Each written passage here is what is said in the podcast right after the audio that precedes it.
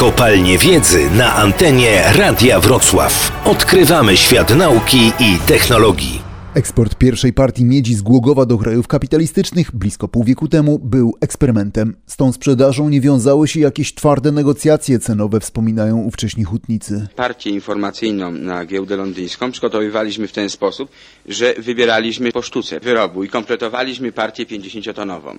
To było w sierpniu roku 71. W grudniu zażądano od nas następnej partii informacyjnej i wtedy już pojawił się pierwszy kontrahent, to był Austriak, który kupił od nas 50 ton miedzi. To jest wielkość również śmieszna. Dla nas to był olbrzymi sukces w tym czasie. Przy czym pierwsza transakcja omal nie doszła do skutku. W momencie, gdy w dzienniku telewizyjnym nadawano wiadomość o pierwszym dziewiczym, powiedzmy, eksporcie miedzi z Głogowa za granicę, zadzwonił zawiadowca stacji w Rublin Głogowski i poinformował, że wagon nie może być nadany, ponieważ nikt nie wpadł na pomysł, że trzeba opłacić przewoźne. Oczywiście załatwiliśmy to jakoś. Zawiadowca stacji zrozumiał, że trzeba to spisać na karp młodości. Wagon został nadany, odbiorca go otrzymał. Dziś w KGHM w ciągu miesiąca produkcja czystej miedzi przekracza czasem 60 tysięcy ton i nawet przy zmiennych cenach metali na giełdach nie ma mowy o przypadkowości. Oczywiście cały czas patrzymy na zmianę kursu miedzi, jest to elementem szczególnej troski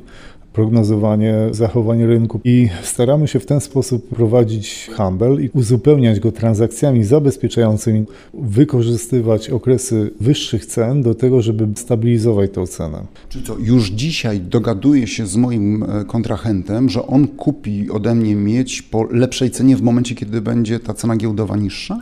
Tak, kupujemy sobie prawo sprzedaży w przyszłości miedzi po określonej cenie. O zysku miedziowego holdingu decyduje również kurs walut. Zadowoleni jesteśmy wtedy, kiedy cena dolara jest wysoka, czyli mamy tą tanią złotówkę i jednocześnie najlepiej, żeby jeszcze cena miedzi była wysoka. No niestety, albo może właśnie i dobrze, te ceny raczej chodzą w przeciwfazie. Jak drogi dolar, to zwykle w tych okresach raczej tania miedź. Jeżeli droga miedź, to z kolei tani dolar.